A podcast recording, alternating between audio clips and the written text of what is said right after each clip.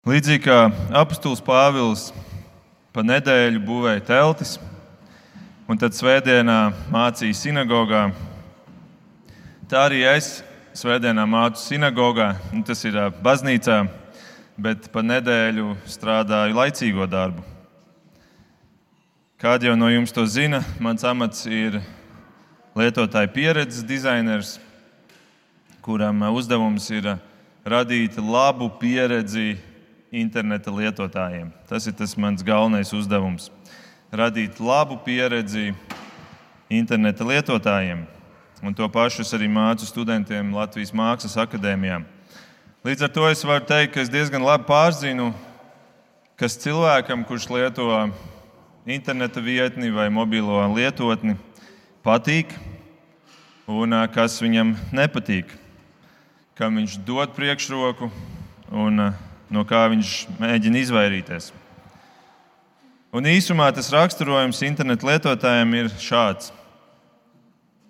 Internetu lietotājs ir nepacietīgs, uz sevi vērsts bērns.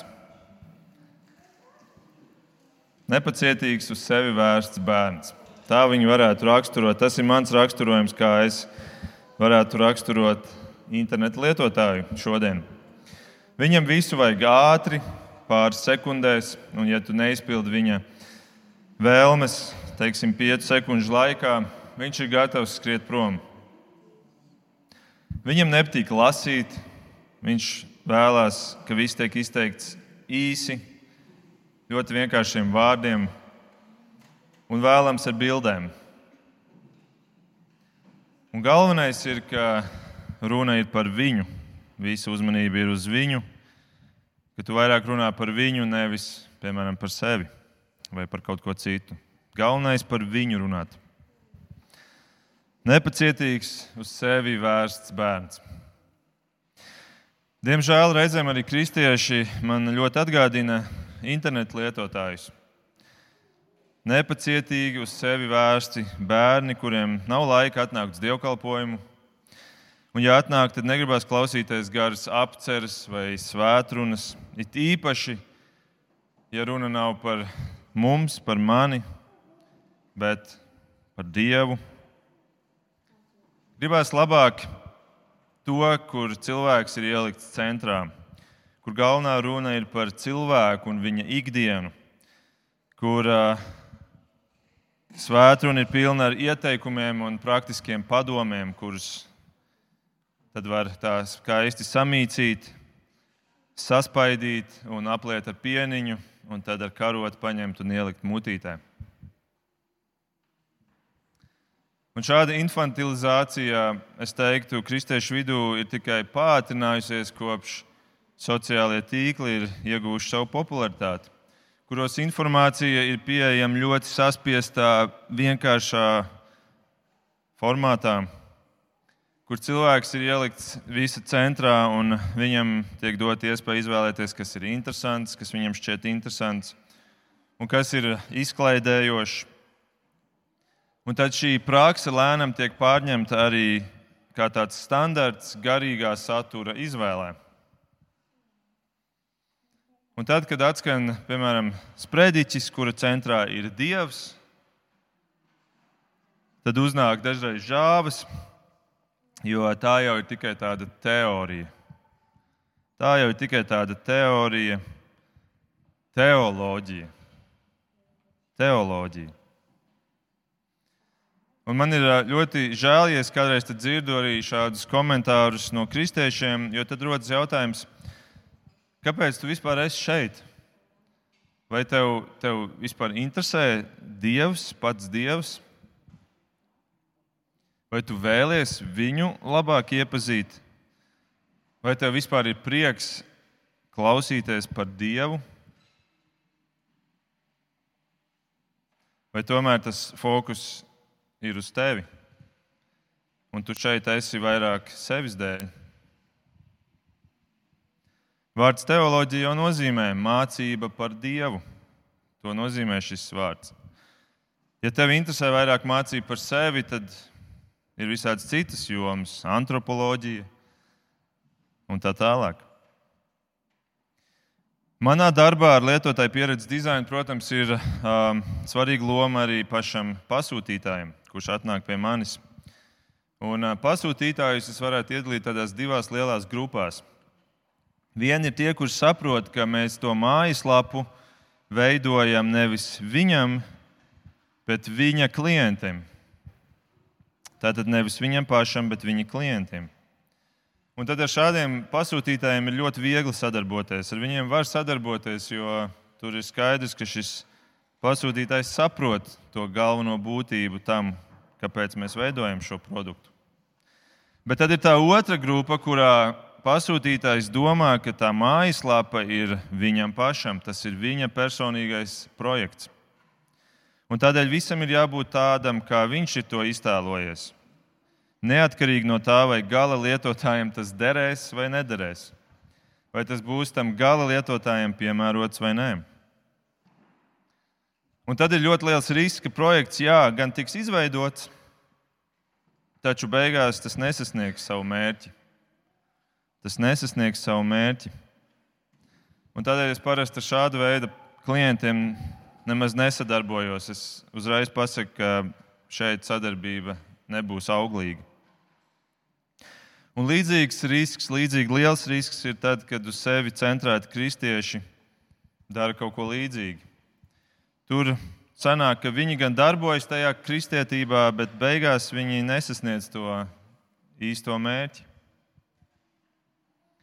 Jēzus par to brīdināja Kalnu svētdienā, kad viņš teica tos labi zināmos vārdus no Mateja 7. Ne ik viens, kas man saka, kungs, kungs, ieies debesu valstībā bet tas, kas dara mana debesu tēva gribu. Tas, kas dara mana debesu tēva gribu. Uz sevi centrētais kristietis, kurš meklē garīgu saturu, kas runā par viņu pašu, nevis ir centrēts uz Dievu, riskē beigās nonākt pie tā, ka viņš dzīvo tajā burbulī, kurā viņš beigās dara savu gribu nevis tēva gribu, kā Jēzus šeit saka. Un beigās debesu valstība paliek neaizsniegta. Tas gala mērķis, tas īstais mērķis, kura dēļ tas viss notiek, beigās paliek nesasniegts. Un tādēļ mans aicinājums ir, nebūsim šādi kristieši, kuri žāvājas, kad runa ir par Dievu, un kuri gaida, kad runa tiks pavērsta pret mums pašiem, par mums, Mans aicinājums tev ir šodien izvērtēt, cik ļoti šis apraksts attiecās uz tevi. Cik ļoti tu gaidi, ka tā svētkruna un īstenībā arī dziesma, kuru mēs dziedam, būs par to lielo dievu, tēvu, Jēzu, Svēto garu. Kā tas bija, manuprāt, šodien arī skaisti redzams. Vai arī cik ļoti dod priekšroku svētdienām un arī dziesmām, kurās tas lielais uzsvars ir es, es, es, es man, man, man. Mūsdienu populārākā kristīgā mūzika nāk no Hilsonga, Bēteles, Elevation Worship un citiem, kuros ir ļoti izteikts uzsvars uz to es, es, es, man, man, man. Un tas varbūt liekas tāda mazsvarīga, sekundāra lieta, bet tas lēnām ie, ie, iež, ieza, iezogās mūsu tajā uztverē, kā mēs atlasām saturu. Un līdzīgi ir ar sludinātājiem, kur runā to, kas mums patīk, ko mēs gribam dzirdēt. Kā Pāvils teica, rakstīja Timotējam, ka būs laiks, kad ļaudis vairs necietīs veselīgo mācību, bet savās iekārtas dzīti pulcinās sev tādus skolotājus, kas glaimo viņu dzirdēja, kas glaimo viņu dzirdēja. Ja es ļautu tev šodien izvēlēties svētrunu,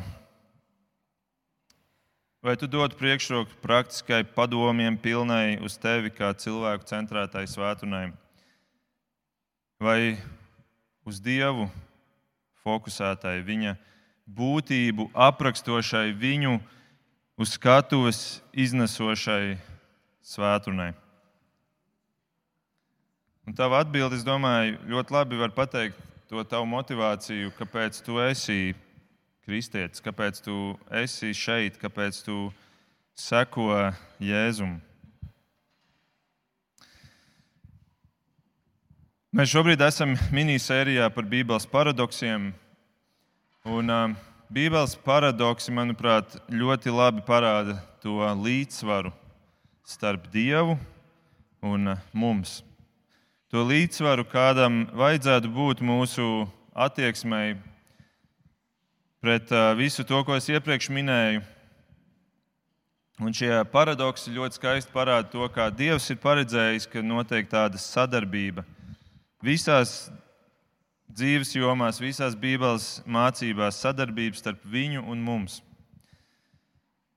Mēs šo sēriju, minisēriju par Bībeles paradoksiem uzsākām pagājušajā svētdienā. Un, ja jūs neesat dzirdējuši, es jums iesaku noklausīties, lai būtu tā, tā lielā bilde redzama, jo šodien mēs turpināsim ar, ar nākamajiem trim. Pirmie trīs pagājušajā svētdienā bija apzināti, tāpēc arī visu pirms par Dievu, Tie bija trīs paradoksi, kuru priekšā mēs izcēlām Dievu, trīs paradoksi par un ap Dievu. Un šodien mums būs trīs paradoksi par un ap kristieti. Par to ikdienu, par to, kā mums dzīvot un saprast to dzīvi, kuru Bībele mums kā kristiešiem apraksta. Pagājušajā svētdienā mēs domājām par to, ka Jēzus ir simtprocentīgi dievs un vienlaikus simtprocentīgi cilvēks. Par to, kā dieva trīsvienība var būt vienlaicīgi simtprocentīgi viens skaitlis un simtprocentīgi daudz skaitlis. Un par to, kā Bībele ir vienlaikus simtprocentīgs dieva autordarbs un arī simtprocentīgi cilvēka autordarbs, kur Cilvēks ir sarakstījis ar savu roku, ar savām domām, ar savu vārdu krājumu, bet vienlaikus visa Bībele ir Dieva iedvesta, iedvesmota. Un tie visi ir paradoksi. To visu mēs nevaram izskaidrot, bet tie ir paradoksi, kuri Bībelē ir atrodami. Un, um, šodien mēs domāsim par trīs jauniem paradoksiem, un tie būs lūkšana, kristieša dzīve un darbi, labie darbi. Nu, labi, ķeramies klāt mūsu pirmajam vai kopumā ceturtajam paradoksam - lūkšana. Lūkšana, jā, uz ekrāna arī redzams. Tātad, ja mēs beidzām iepriekšējā reizē ar Bībeli, tad mēs varētu teikt, ka Bībele ir tā uz Dievu centrētā daļa komunikācijā mums ar Dievu. Jo Mēs sakām, tas ir Dieva vārds, tie ir Dieva vārdi, tātad Dievs tur runā uz mums. Tā ir tā būte, kuru ir novelkama no Dieva lejā uz mums. Tad lūkšana ir tā otrā daļa, kurā mēs varam teikt, tā būte tiek vilkta atpakaļ no mums uz, uz Dievu pusi, jo lūkšanā runājam mēs. Čārlis Spērģents, slavenais britu sludinātājs, ir teicis, ka Kad man jautā, kas ir svarīgāk, lūgt vai lasīt Bībeli, es jautāju, kas ir svarīgāk, elpojot, ievilkt gaisu vai izpūst gaisu. Tātad lūkšana, spērģena vārdiem sakot, ir tikpat neatņemama sastāvdaļa no mūsu garīgās dzīves kā Bībeles lasīšana. Un, ja mēs pajautātu apustulim Pāvilam, tad viņš noteikti varētu tam piekrist. Viņš pat ir vēl, vēl asāks šajā jautājumā, vai teiksim, tā, vēl radikālāks šajā jautājumā. Jo mums ir pieraksts no viņa vēstules, kur viņš sūtīja draudzē Thessalonikā, un tur viņš šādu ļoti interesantu teikumu ir iekļāvis. Viņš saka, lūdziet Dievu bez mitēšanās. Lūdziet Dievu bez mitēšanās. Bez mitēšanās. Divi traki vārdi, ja viņus savieno kopā. Ko nozīmē vārds bez? Tas ir 0%. Vakar es ēdu saldējumu, un es pamanīju, ka uz tā iepakojuma bija rakstīts bez augu taukiem. Saldējums bez augu taukiem. Ko tas nozīmē?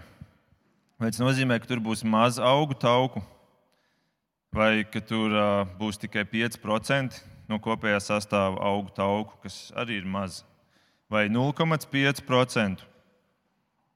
Nē, tas nozīmē to, ka es sagaidu, ka tur būs 0%. Protams, es nezinu, vai viņi beigās pie tā turās. Es ceru, ka kāds to pārbauda. Un tur tiešām nav augu tauku. Kaut gan manā gadījumā tas nebija varbūt būtiskākais manam saldējuma pirkumam, manai izvēlei. Bet tas ir tas, ko mēs saprotam, kad mēs redzam vārdu bez. Bez glutēna, bez ēvielām, bez alkohola. Mēs sagaidām, ka tur būs 0% šīs vielas. Un tad mēs, ja vēlreiz izlasām Pāvila teikumu, tad tas nozīmē, lūdziet Dievu ar 0% mitēšanos. Lūdziet Dievu bez mitēšanās, lūdziet Dievu ar 0% mitēšanos. Ko nozīmē mitēšanās? Ja mēs paskatāmies to grieķu vārdu, kas ir minēts šajā tekstā, tad tas nozīmē to pašu kā pārtraukums. Tātad, ja tu brauc pa ielu un tu redzi, ka priekšā notiek ceļu remonta darbi, kas šobrīd Rīgā ir te pa pilnam, un tad tu redzi, ka strādnieki sēž malā, runājās un smēķē cigareti, tad tu saproti, viņiem tas ir pārtraukums. Varbūt tas ir ieildes pārtraukums, varbūt tas ir mazliet nelegāls pārtraukums. To es nezinu, bet tas ir pārtraukums. Viņi ir mitējušies no saviem darbiem. Un Pāvils saka, lūdziet Dievu bez mitēšanās, bez pārtraukumiem. Diezgan radikāli, jūs piekritīsiet, diezgan radikāli. Es, protams, ticu, ka Pāvils to nesaka tiešā veidā, ka tas nav jāizpilda tiešā veidā, ka tas nav uh, uzdevums, kurš mums tagad ir jāpilda visu laiku, jo citādi mums nebūtu laika gulēšanai, nebūtu laika ēšanai, un tas būtu pretrunā ar citiem Bībeles tekstiem. Es domāju, ka Pāvils to vairāk runā tādā ziņā, ka tas ir stāvoklis, kurā mēs nepārtraukti esam, stāvoklis, kurā mēs esam kontaktā ar Dievu. Stāvoklis, kurā mēs esam kontaktā ar Dievu un savā domās, savā bailēs, savos plānos, savā šaubās, savā vēlmēs mēs komunicējam ar Dievu, bez mitēšanās. Ka nav dzīvē pārāvumi, kurā mēs savu fokusu esam pagriezuši uz sevi un viņu ignorējam mūsu lēmumu pieņemšanā. Bet es domāju, ka šīs pavēles radikalitāte norāda uz vēl kaut ko daudz lielāku, un tas ir tas, ka Pāvils šeit mēģina pateikt, ka lūkšanai ir ļoti liels spēks, un tāpēc tava atbildība ir to darīt, to lietot visu laiku. Un mēs varētu teikt, ka tev ir nolasāms tas, ka lūkšana, jeb lūkšanas atbildēšana, ir simtprocentīga cilvēka atbildība. Šis teikums, ko Pāvils saka, ir tik radikāls, ka mēs varam secināt, ka te ir milzīga atbildība, kas mums tiek uzlikta. Un, ja mēs pagājušajā reizē jums rādījām, ja vienā pusē mēs paņemam tos 100%, kas ir tā, tā, tā viena atbildības puse, tad tad šeit mēs varam paņemt rokā to 100% cilvēku atbildību un teikt, jā, tas ir tas, ko Pāvils šeit parāda. Tāpēc viņš saka, dari to bez mitēšanās. Tā ir atbildība, kura tiek prasīta no tevis. Un, ja mēs paskatāmies, ko citi Bībeles autori saka, tad mēs redzam apstiprinājumu tam, jo, piemēram, Jēkabs savā vēstulē raksta šādi. Viņš raksta, jūs cīnāties un jūs kārojat, bet jūs neiegūstat tādēļ, ka jūs nelūdzat. Jūs neiegūstat tādēļ, ka jūs nelūdzat. Redziet, kādēļ jūs neiegūstat? Tādēļ, ka jūs nelūdzat, tādēļ, ka jūs neesat izpildījuši šo savu atbildību. Tātad mēs redzam, ka iegūšanas atbildība ir cilvēka pusē. Un arī pats Jēzus to apstiprina Kalnu svētdienā, Mateja 6,6. Viņš saka, ka Bet, kad tu lūdz, tad iej savā kambarī un durvis aizslēdzis, lūdz savu tēvu apslēptībā, un tavs tēvs, kas redz apslēptībā, tevi atalgos. Pārfrāzējot, Tēvs tevi atalgos tad, ja tu iesi un lūksi. Tātad simtprocentīgi cilvēka atbildība lūkšanas tēmā. Bet, un jūs jau to gaidījāt, mēs nonākam pie mūsu paradoksa, kas daudzos cilvēkos patiesībā izraisa neizpratni un arī šaubas par, par Bībeli, par Bībeles uzticamību. Un es to varu teikt no savas pieredzes, runājot ar cilvēkiem, kur, kur liekas, nu, kāpēc ir, ir, ir šādas pretrunas. Jo šie Jēzus vārdi, kurus jums tikko lasīju, šis teksts, kurus tikko lasīju, nebeidzas ar to teikumu, kuru es jums nolasīju kā pēdējo. Šim teikumam ir turpinājums. Paklausieties!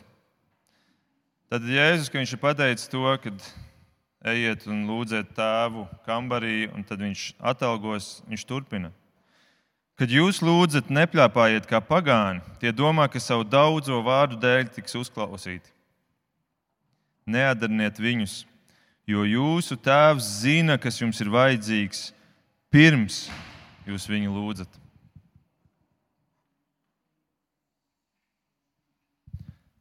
Hmm, tātad lūkšana ir simtprocentīgi mūsu atbildība. Tomēr Dievs jau zina visu, pirms mēs nākam pie Viņa, pirms mēs viņu lūdzam. Tad rodas tas jautājums, tad, ja jau Dievs visu zina un Viņš ir vispēcīgs, Viņam ir visi resursi pieejami, gal galā Viņš ir tas, kurš, kurš dod to, kas ir vajadzīgs, tad jau tā beig beigās ir tomēr Viņa atbildība. Jo varbūt kādreiz mēs neizsakām to, ko, mēs, ko mums vajadzētu izteikt. Mēs nelūdzam to, ko mums vajadzētu lūgt. Bet Dievs jau tāpat to visu zina. Vēl vairāk paklausieties, ko Jānis savā vēstulē pirmajā raksta par šo tēmu. Un šāda paļāvība mums ir uz viņu, viņš raksta. Ja mēs ko lūdzam pēc viņa gribas, viņš uzklausa mūsu. Redzēt, lūkšanas, kas izlūgtas saskaņā ar dieva gribu, tiek uzklausītas. Tad nu vēl vairāk ir skaidrs, ka lūkšanas atbildēšana beig beigās ir simtprocentīga dieva atbildība. Jo viņš jau ir noteicis, kas ir viņa griba. Viņa griba nemainās, Bībele saka. Līdz ar to beig beigās notiek tas, kas ir viņa griba. Līdz ar to tomēr šajā rokā ir tā simtprocentīgā atbildība par lūgšanas atbildēšanu. Dieva atbildība tā ir. Bet tad kādēļ vispār vajag lūgt? Ja tā ir Dieva atbildība, kādēļ vispār vajag lūgt? Un šajā brīdī kristieši nereti aiziet pa vienu no trim maldu ceļiem, pa maldu takām. Vai nu viņi atstāja visu tik ļoti dieva rokās, ka, nu jā, redz, tā ir dieva atbildība. Tad, tad īstenībā lūkšanai vairs nav tā nozīme, kāda, kāda tiek viņai piešķirta. Un tad rezultātā viņi nelūdz vispār vairs, vai viņi lūdz ļoti reti. Katrā ziņā ne tuvu tam, ko Pāvils runāja par 0% mitēšanos. Vai arī otrs ceļš pretējais. Viņi saka, viss ir no cilvēka atkarīgs, viss simt procenti ir no manis atkarīgi. Un ja kaut kas nepie, nepiepildās no tā, ko es lūdzu, tad es esmu acīm redzot vainīgs, ka es esmu par maz to darījis.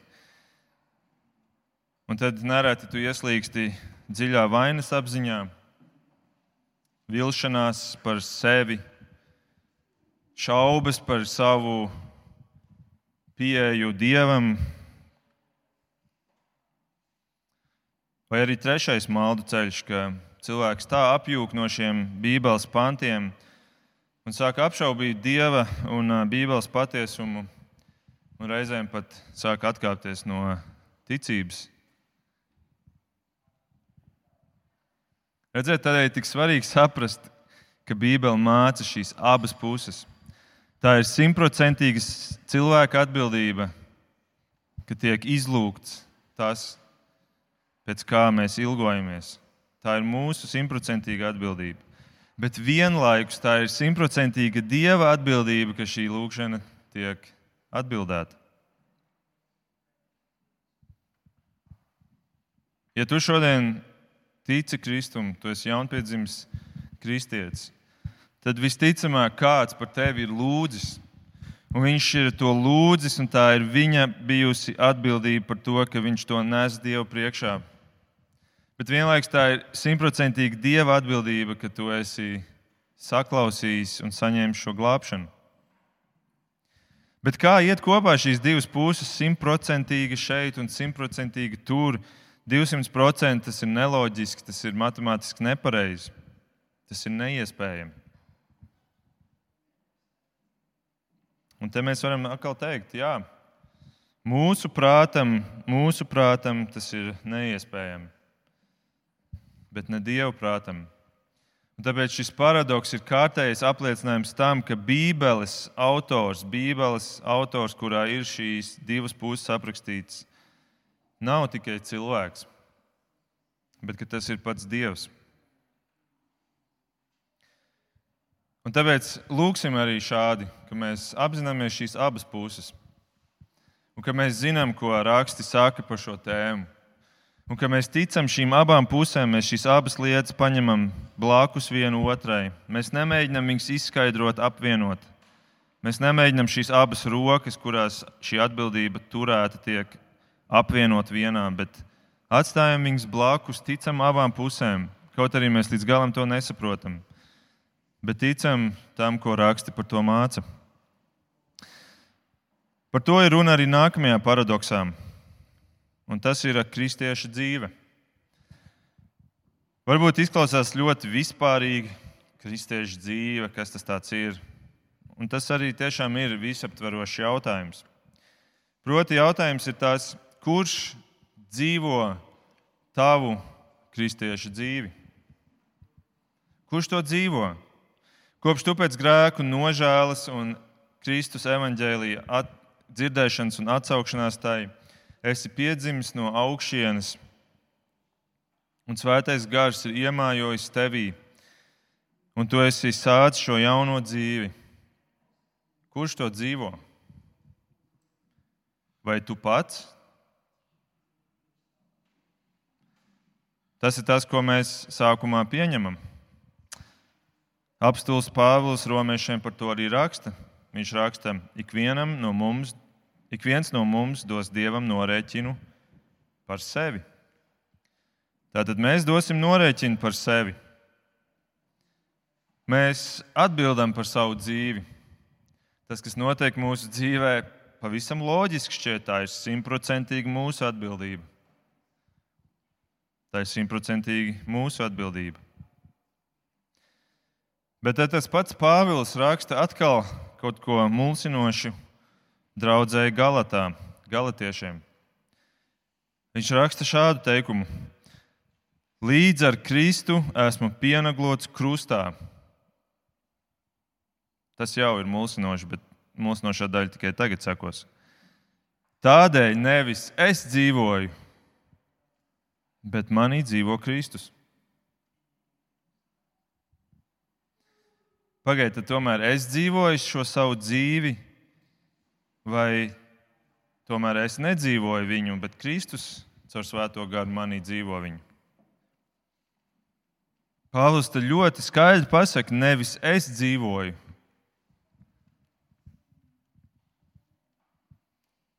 Tas vairs neesmu es. Es nezinu, cik bieži tu esi lasījis šo raksturvietu, un esi tā pārlidojis viņai pāri. Un, cik bieži esi tomēr apstājies un mēģinājis ieraudzīt to šokējošo vēsti tajā. Nevis es dzīvoju, nevis es dzīvoju, bet manī dzīvo Kristus. Es to varu uzdot jums katram. Vai jūs dzīvojat savu garīgo dzīvi? Vai jūs tomēr varat teikt, kā Pāvils saka, es to nedzīvoju? Jo es patiesībā esmu piesists līdz ar Kristu krustā. Un augšām celtais Kristus ir tas, kurš manī dzīvo. Un es šeit stāvu, tāpēc ka augšām celtais Kristus manī dzīvo. nevis es. Paradoks. Tātad tomēr par manu kristieša dzīvi simtprocentīga atbildība ir Dievam, jo Viņš dzīvo manī.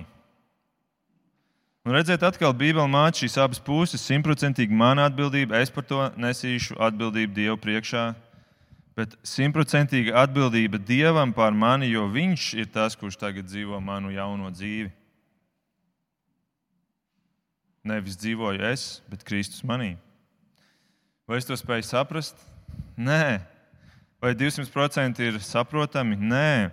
Vai 200% ir matemātiski pareizi aprakstot pilnu tilpumu? Nē. Bet Dievprātam tas ir saprotami, tas ir pareizi, viņam viss ir iespējams. Jēzus to teica Lūkas evanģēlijā, kas nav iespējams cilvēkiem, ir iespējams Dievam. Viņš to primāri teica par glābšanu, bet tas attiecās uz visu pārējo. Dievam tas ir iespējams. Un tādēļ es nešaubīšos par Bībeles patiesumu, es neapšaubīšu Dieva vārda uzticamību, bet es ticēšu šīm abām pusēm, kuras apliecina svētie raksti. Un, kad es būšu klupis grēkā, es nevainošu Dievu. Jēzu, tu dzīvoji manī, un tā ir tava vaina, ka tu pieļāvi šo grēku. Jo tā ir tava simtprocentīgā atbildība par manu dzīvi. Nē, es vainošu sevi tikai sevi. Es nevainošu arī nevienu vēlnu vai sātana kalpus, kā šodien tas ir populāri teikt, sātana uzbrukums. Viņš ir pie tā vainīgs. Es nevainošu nevienu citu, arī citus cilvēkus. Bet es uzņemšos pilnu atbildību par savu grēku un teikšu, tā ir mana vaina, un es nākšu Dievu priekšā un es lūgšu, piedod man manu grēku manu grēku. Bet vienlaikus, kad es esmu izdarījis kaut ko labu, kaut ko slavējamu, kaut ko, kas saskana ar Dieva gribu, kaut ko svētīgu, kaut ko citus pacilājošu, tad es sev nesitīšu pa plecu un neteikšu, Markus Malecis. Es teikšu, paldies, Jēzu, ka tu esi manī. Paldies, ka tu caur svēto garu dari labas lietas manī un caur mani. Paldies tev par to! Un tā spējas dzīvot tas, kurš ir satvēris šo pilno Bībeles vēsti ar šīm abām pusēm. Šo skaisto dieva neizmērojamā, lielā un skaistā prāta paradoxālo noslēpumu, kas ir šīs abas puses, un tev ir kājas arī abās pusēs noliktas, un tu stāvi stabili. Un tev vēja vairs nevar izšaubīt par, par katru grēku, kas ir izdarīts, vai par katru uzbrukumu, kas ir saņemts. Bet tu esi satvēris šo paradoxālo noslēpumu, kuru Dievs savā vārdā ir apslēpis, ielicis. Un patiesībā tas nav kaut kāds dziļi apslēpts noslēpums, kurš ir saprotams tikai gaišākajiem prātiem. Bet patiesībā tā ir pavisam vienkārša ticēšana abām pusēm. Tu izlasi vienu pusi, un tu saki, es tam ticu. Un tu izlasi otru pusi, un es saku, es tam ticu. Es viņas abas nevaru savienot. Es nevaru izskaidrot pēc loģikas, kā tas darbojas, bet es ticu šīm abām pusēm.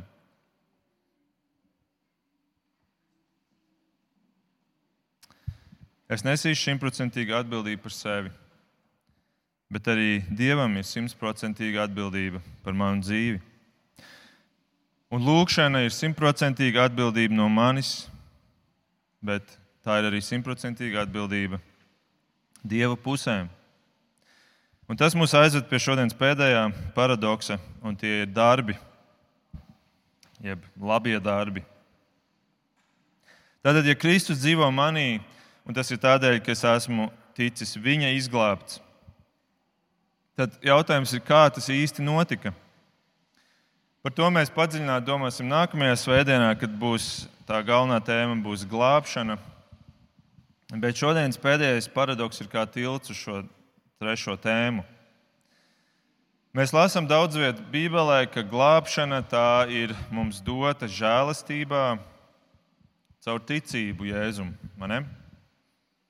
Un, uh, reformācijā tika nodefinētas piecas solas, ar kurām reformatori skaidri nošķīra jauno reformēto attīrīto mācību no tās mācības, kas bija Romas katoļu baznīcā, kurā divas no šīm piecām solām bija tieši par šo glābšanu, kur bija teikts, ka sola fide tikai ticībā mēs esam glābti, un sola grātija, jeb grācija tikai žēlastībā mēs esam glābti.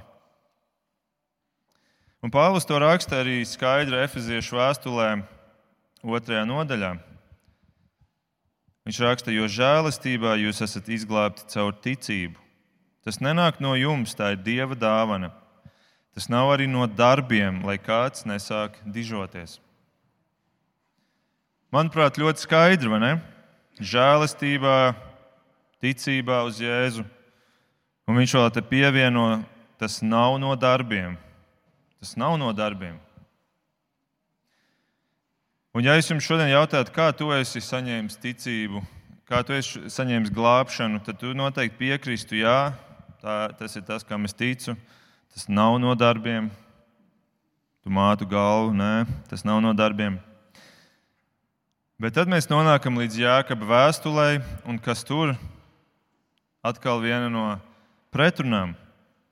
Jākab vēstulē 2. nodaļā, 17. pantā mēs lasām, tāpat arī ticība, ja tai nav darbu, tā pati par sevi ir mirusi.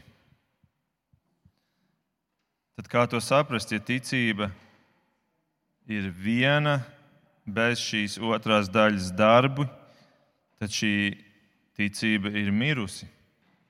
Viņa nespēja pastāvēt viena pati. Tad ticība beig beigās tomēr viena pati neskaitās. Bet tas vēl nav viss. Jēkabs dažus pāns tālāk pielēja vēl eļu ugunī, un 24. pantā viņš raksta, jūs redzat, ka cilvēks tiek attaisnots ar darbiem un nenoticības vien. Un tad ir tāds, wow, ar ko ar šo iesākt? Ko ar šo iesākt? Tad, tad tomēr tā ir simtprocentīga dieva atbildība, jo viņš mums dod glābšanu žēlastībā, caur ticību. Mums nekas nav jādara ne ar darbiem. Vai tomēr bez tiem darbiem nevar? Tad tomēr tā ir simtprocentīga atbildība, ka mēs darām šos darbus, jo ja viņu nebūs, tad nav šīs glābšanas. Ko tu vari pateikt savam draugam, attīstam, kurš tev parāda šos abus pāntus, un šos Pāvila un Jākaba pāntus, un saka, lūk, kārtējā pretruna neusticamajā Bībelē. Tas, ko tu vari darīt, ir tieši tas, kādēļ mums ir šī minisērija par paradoksiem. Proti, norādīt, ka šis ir viens no daudziem paradoksiem, kuri atklāja visām lielajām Bībeles doktrīnām monētu ar šīm abām pusēm, kur abām pusēm ir simtprocentīga atbildība. Dieva pusē un cilvēka pusē. Un kur tās var šķist pretrunā viena otrai, tomēr viņas ir perfekti sadarīgas. Tu monētu vari redzēt tikai no vienas puses vienlaicīgi. Protams, tur izmantot spoguli, bet fiziski tu vari redzēt tikai vienu pusi. Un tāpēc mums šķiet, ka var būt tikai viena puse vai otra puse, bet tā ir joprojām monēta ar abām pusēm. Un tās izcili sadara kopā, tāpēc ka Dievs ir autors šai, šai Bībeles domai un aprakstam. Un tā Dievs ir panācis, ka tavu glābšanu notiek bez taviem darbiem bet tavi darbi pēc glābšanas apliecinās tavu glābšanu. Es pateikšu vēlreiz. Dievs ir panācis šo skaisto risinājumu, ka tava glābšana notiek tiešām bez taviem darbiem. bet tavi darbi, kurus tu dari pēc tam, kad tu esi glābts, apliecina tavu glābšanu. Ja tu saki, es esmu glābts, tomēr darbi neliecina par to, ka tev rūp svēta dzīve, tad tu mēģini būt jūtīgāks pret grēku, iet prom no grēka, nogriezt saites ar grēku savā dzīvē. Ja darbi neliecina, ka tev rūp svēta dzīve, ka tev rūp Jēzus pavēles, tad Bībele nav svarīga. Svarīgāk ir tas, kā es jūtos, kā es izprotu Dievu, nevis kā Dievs pats par sevi apraksta. Un, ja tev darbi neliecina, ka tu meklē dieva gribu, tad tie ir slikti augļi, kas var tikai nākt no slikta koka. Un tā atkal ir tavai glābšanai tā simtprocentīgā dieva atbildība, ka tu žēlastībā un ticībā esi to saņēmis. Bet vienlaikus tā ir tava atbildība, ka tu turpini meklēt to ceļu, kurš ir aprakstīts Bībelē. Ka tev dieva likumi ir svarīgi. Tu apzinājies, viņi tev vairs nevar notiesāt, tāpēc ka tava glābšana ir dota žēlastībā un ticībā. Un žēlastība ir pāri likumam. Bet tava dzīve apliecinās, ka tev ir svarīgs dieva likums. Un tur veidojas tas līdzsvars. Tur veidojas atkal tas līdzsvars starp šīm abām pusēm. Un cilvēks, kurš saprot šīs abas puses arī šajā jautājumā, tas ne, neiekritīs gaļējībā, kļūstot par antinomiānismu piekritēju, kurš saka, es atmetīšu dieva likumus, dieva likumi vairs nav svarīgi, jo mēs jau esam glābti ticībā, žēlastībā. Bet neiekritīs arī pretējā galējībā, kļūstot par farizēju, kurš katram likuma pantam uzliek tik lielu nozīmi, ka viņam ir bailes par to, ka tas spēs viņu notiesāt. Un tāpēc ir jāizpilda katrs likuma burts burtiski. Jēzus ir piepildījis šos likumus, kļūstot par cilvēku. Un tāpēc likums vairs nespēja mūs notiesāt, ja Kristus dzīvo mūsos, kā mēs to pirms brīža mācījāmies. Jo mēs dzīvojam tagad ar šo Kristu sevī, viņa svēto dzīvi, tādēļ grēks vairs netiek pieskaitīts mums. Tomēr mēs atzīstam, ka Dieva likumi ir labi, un tāpēc mēs gribam pildīt Dieva likumus. Un mēs negribam grēkot, jo mēs zinām, ka tas Kristus, kurš ir mūsos tagad, ir ticis šī grēka dēļ nokauts. Kristus ir ticis nokauts šī paša grēka dēļ. Un tāpēc mums būs šis līdzsvars, vai ne? Šī, šis līdzsvars starp šīm abām pusēm. Nu, lūk, tādi ir tie mūsu šodienas trīs paradoksi - lūkšana, kristīgā dzīve un darbi.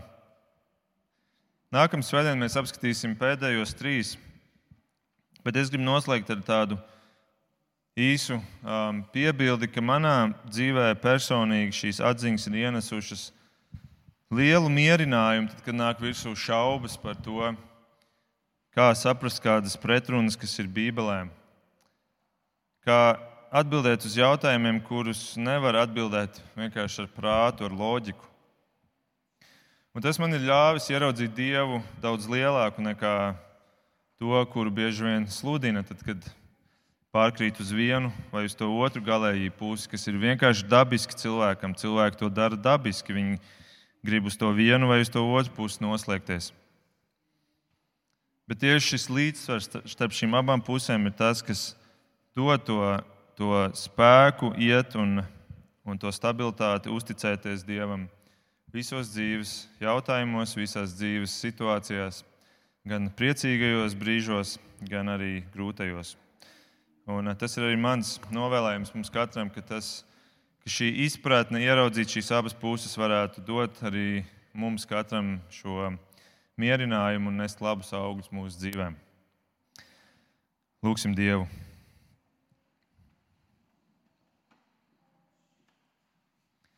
Debes Tēvs, paldies Tev, ka Tavs vārds ir tik skaists, tik dziļš, tik netipisks cilvēka domu gājienam. Un paldies, ka tieši tāpēc mēs varam ieraudzīt tavu domu gājienu. To, cik tu esi liels un kā viss saslēdzas tevī tik skaisti, tik perfekti. Paldies, ka caur šiem paradoksiem mēs redzam, cik ļoti tu mīli mūs, jo tu gribi ar mums visā dalīties. Visi šie jautājumi, kurus mēs esam apskatījuši, parāda, ka tu nedari visu viens pats. Bet tu arī neatstāji mūs vienus ar visiem šiem dzīves lielajiem notikumiem un izaicinājumiem, ar lielajām domām un idejām, mācībām pavēlēm. Paldies, Kungs, ka Tu esi mūsos un tomēr Tu prasi no mums atbildību. Mēs neesam mazi bērni, bet mēs esam Tevis respektēti, cienīti, kuri saņem pilnu atbildību. Un vienlaikus Tu esi mums tepat blakus, Tu esi mūsos. Paldies, Tev, debes Tēvs! Paldies, Tev, Jēzu! Paldies, Tev, Svētais Gars, kurš vada mūs! Es lūdzu, Kungs, ka kaut arī šajā svētdienā nav bijuši varbūt daudzi praktiski padomi, ka tomēr šīs lietas var iesakņoties dziļi mūsos, un ka no turienes var izaugt pareizā izpratne un spēja pieņemt lēmumus, tad, kad būs ikdienā vajadzīgs pieņemt tos praktiskos lēmumus. Jo es ticu, ka tavs vārds ir dzīves, un tas maina mūs, un tas palīdz mums, tas vada mūs. Es lūdzu to par katru, kurš ir šeit un kurš arī dzird šos vārdus šodien un arī nākotnē. Un to visu lūdzu Jēzus Kristus vārdā. Amen.